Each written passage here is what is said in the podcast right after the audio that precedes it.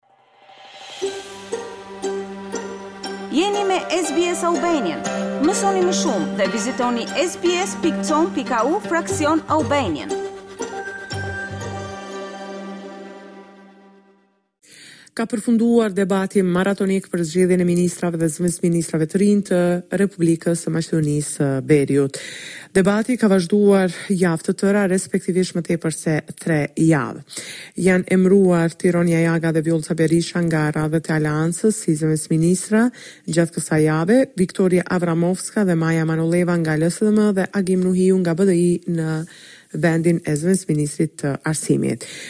Diskutimi është bërë me vrull, me akuza, kundërakuza, me shumë shpifje nga ana e VMRO-DPMNE-së po edhe nga ana e partisë së majtë Levica, e cila ka akuzuar Aleancën për shqiptarët si parti anti-evropiane.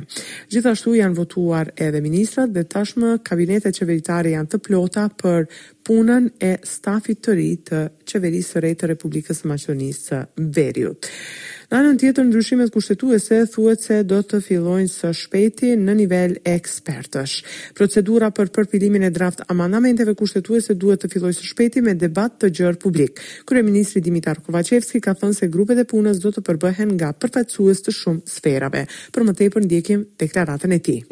Ndryshimet kushtetuese duhet të fillojnë në nivel ekspertësh, sepse fillimisht duhet të shkruhet ndryshimet kushtetuese që do të munden qytetarët dhe të gjithë të tjerët të shohin se si duken ata ndryshime kushtetuese.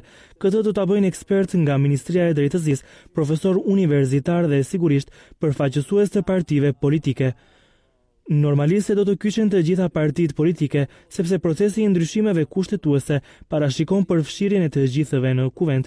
Për momentin nuk ka takim liderësh dhe nuk do të jetë në një kohë të afërt. Alarmet për bomba të rrejshme në shumë shkolla fillore dhe të mesme të Shkupit. Prindërit humbin nga orari i punës për të marrë fëmijët e tyre nga shkolla, të cilët për shkak të alarmeve të rreme për bomba detyrohen të ndërpresin procesin mësimor. Përveç shqetësimeve psiqike të fëmijëve, të revoltuar janë edhe prindërit, të cilët apelojnë deri tek institucionet përkatëse për zgjidhje të shpejtë të kësaj çështje.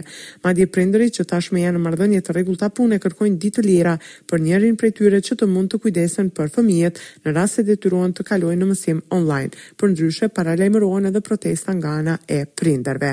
Thuhet se janë marrë masa nga policia dhe Ministria e Punëve të Brendshme, gjithashtu edhe nga Ministria e Arsimit për të menaxhuar me këtë situatë. Kryeministri Dimitar Kovaçevski thotë se është një luftë hibride që ka të bëjë edhe me luftën që po zhvillohet aktualisht në Ukrainë. Për më tepër do të ndjekim deklaratën e ministrit të Arsimit, Jeton Shaqiri. Sa i përket Maturës Shtetërore, Qendra e Provimeve Shtetërore ndërmerr të gjitha hapat e tjerë për organizimin e suksesshëm të provimit të Maturës Shtetërore. Matura do të organizohet. Institucionet e udhëhequra nga LSDM dhe BDI po marrin gjithçka për të mbrojtur qytetarët dhe standardet e tyre në kohë të krizës ekonomike globale, thuhet nga qeveria.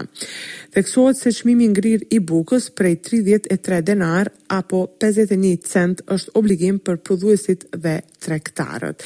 Pavarësisht kundërshtimit nga ana e prodhuesve të bukës, ata janë detyruar që ta pranojnë këtë çmim të ngrirë.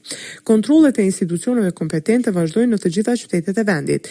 Vendimi për ngrirjen e çmimit të bukës së bardhë dhe gjysmë të bardhë nga katërqind e pesëdhjetë gramë në maksimum tridhjetë e tre denarë është i arsyetuar, i drejtë dhe në interes të qytetarëve.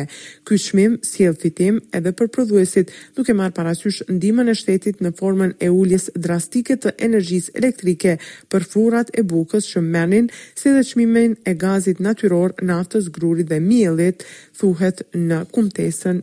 e Qeverisë së Republikës së Maqedonisë së Veriut. Në këtë kumtesë thuhet se nuk do të lejohet në asnjë mënyrë që dikush të përfitojë në kurrizin e qytetarëve dhe ta varfërojë popullin. Për Radion SBS raporton nga Republika e Maqedonisë së Veriut, Besiana Mehmedi. A ju pëlqeu ky reportazh? Për më shumë vizitoni Apple Podcast, Spotify ose faqet e tjera të podcast.